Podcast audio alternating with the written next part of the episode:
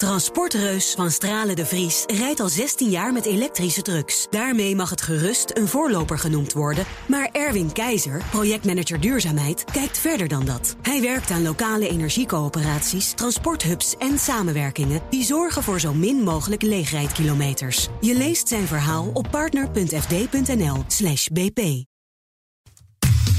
Factgoeroes. Ja, en dat brengt ons bij Frank Leeman, zoals elke dinsdag. Frank, goedemorgen.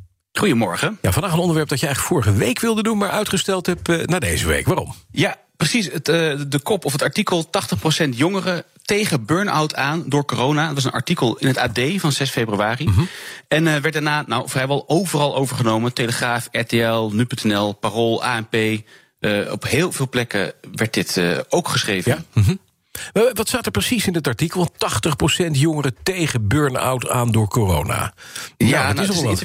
Ja, het is toch wel wat erg ja. hoog. Hè? En het is een interview met Theo Immers, de directeur van het Nationaal Centrum voor Preventie, Stress en Burn-out, het NCPSB. Die hebben een onderzoek gedaan en daaruit zou blijken dat dus 82% van de jongeren door de coronamaatregelen tegen een burn-out aan zouden zitten. Ja. En daarnaast wordt er in het artikel ook een link gelegd naar zelfmoord en dat er een stijging zou zijn van het aantal zelfmoordgevallen. Onder jongeren ook. Ja. ja, onder jongeren, ja. Hey, dat, ik heb nog nooit van het NCPSB, het Nationaal Centrum voor Preventie, Stress en Burn-out, gehoord. Wat is dat voor club? Ja, het klinkt als een stichting, ja. uh, maar het is een BV. Want iedereen in Nederland mag een BV beginnen met ja, Nationaal Centrum in de naam. Dat is hier ook het geval. Het is een BV uh, ja, waar het verdienmodel is het verhuren van coaches. Aan jongeren dus, die burn-out hebben. Nou ja, dat bijvoorbeeld. Dat, dat doen ze dan geloof ik in dit geval niet. Mm-hmm. Het hoeft ook niet te betekenen dat dan meteen alles onwaar is. Maar het is in ieder geval wel een reden om ja. even kritisch te kijken. Ja, precies. Nou, dat, daar ben jij voor als fact, fact guru. Hoe ziet het onderzoek eruit wat ze gedaan hebben? Nou, dat is dus niet duidelijk. Het grote probleem is dat het onderzoek niet inzichtelijk is gebleken. Uh, ik belde dus meteen afgelopen maandag dus om te vragen of ik het mocht lezen. Maar toen werd er aangegeven dat er door de grote hoeveelheid reacties een webinar zou komen op woensdag, hè, waar je vragen kan stellen. Dus daar heb ik op gewacht. Dus daarom hebben we hem ook een weekje doorgeschoven. Aha.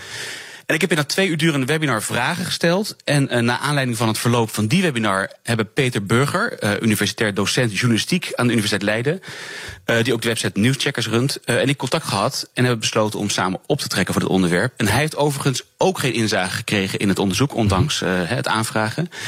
En er is op dit moment alleen een factsheet en een webinar. En uit die factsheet ja. blijkt dat het om 350 bevraagde jongeren ging in het middelbaar onderwijs, MBO, HBO en WO.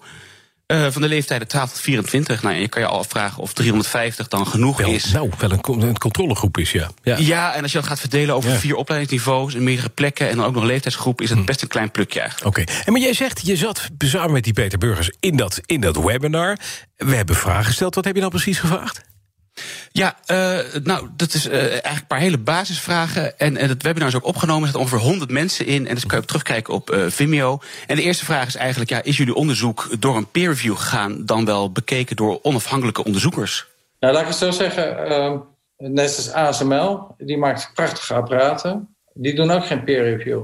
Maar kijk, wat voor mij belangrijk is, dat de mensen en de resultaten die we bereiken, dat uh, accuraatheid en reproduceerbaarheid en de resultaten en de mensen met wie ik werk, die zeggen ja, het werkt. Het antwoord is dus nee.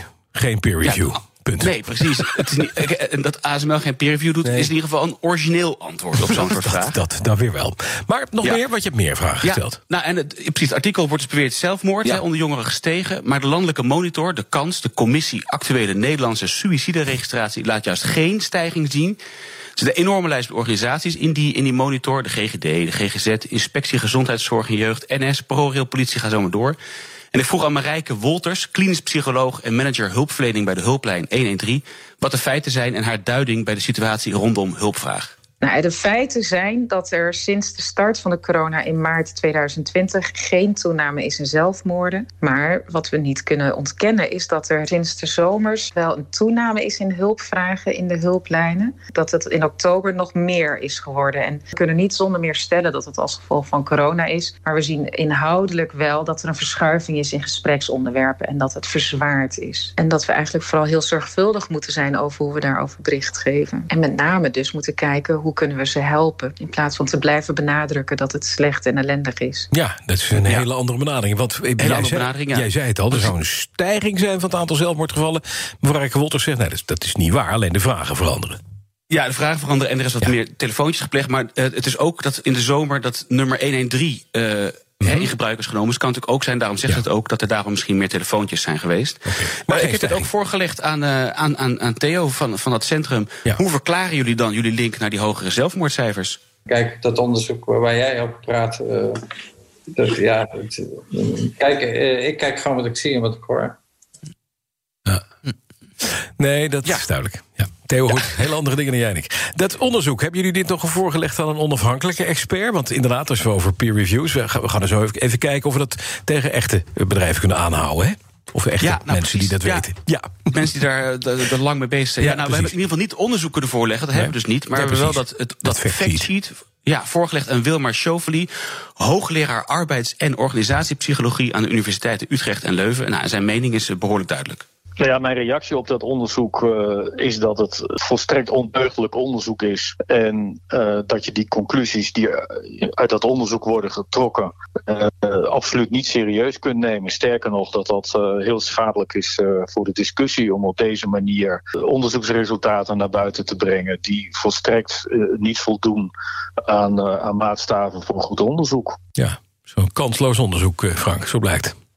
Zo blijkt, ja. En, en, nou goed, en dat blijkt ook nog trouwens, dat vertelde hij, eh, dat er een instrument bestaat om uh, burn-out te meten. Een instrument dat voor al het andere wetenschappelijk onderzoek gebruikt. Ik geloof iets van 10.000 artikelen zijn er mhm. al op gebaseerd. Die tool heet de Maslach Burnout Inventory. En in Nederland noemen we die de Utrechtse burn-out schaal. Een gevalideerd instrument. En het wordt in Nederland ook gebruikt voor de, de nationale enquête. Mhm. En volgens die enquête was het aantal burn-outs naar de eerste golf juist niet uh, gestegen. Dus, en verder zijn er nog geen cijfers beschikbaar. Ja, nog, we moeten even kort zijn, want we zijn door de tijd heen. de conclusie aan dit, uh, aan dit verhaal? Nou ja, eh, de berichtgeving eh, berust op een eigen, niet extern gevalideerde onderzoeksmethode. En de steekproef was niet random, maar zelfselectie. Dus het artikel in die 82% is daarom ja, ongefundeerd. Ja. Dat is natuurlijk wel echt reden tot zorg. En diverse instanties zien hulpvragen echt stijgen. Hm. Er is veel behoefte aan oplossingen. En het is goed dat mensen die inzichtelijk willen maken. Maar dit artikel doet dat dus niet. Nee. En er valt nog veel meer over te zeggen. Maar dat is inderdaad te veel voor nu. Dus ik heb samen met Peter Burger een podcast gemaakt hierover. Die je bij BNR kan vinden. En op nieuwscheckers.nl kan je er ook uitgebreid over lezen. Dankjewel Frank Leeman, onze fact guru. Elke dinsdag. Transportreus van Stralen de Vries rijdt al 16 jaar met elektrische trucks. Daarmee mag het gerust een voorloper genoemd worden. Maar Erwin Keizer, projectmanager duurzaamheid, kijkt verder dan dat. Hij werkt aan lokale energiecoöperaties, transporthubs en samenwerkingen... die zorgen voor zo min mogelijk leegrijdkilometers. Je leest zijn verhaal op partner.fd.nl bp.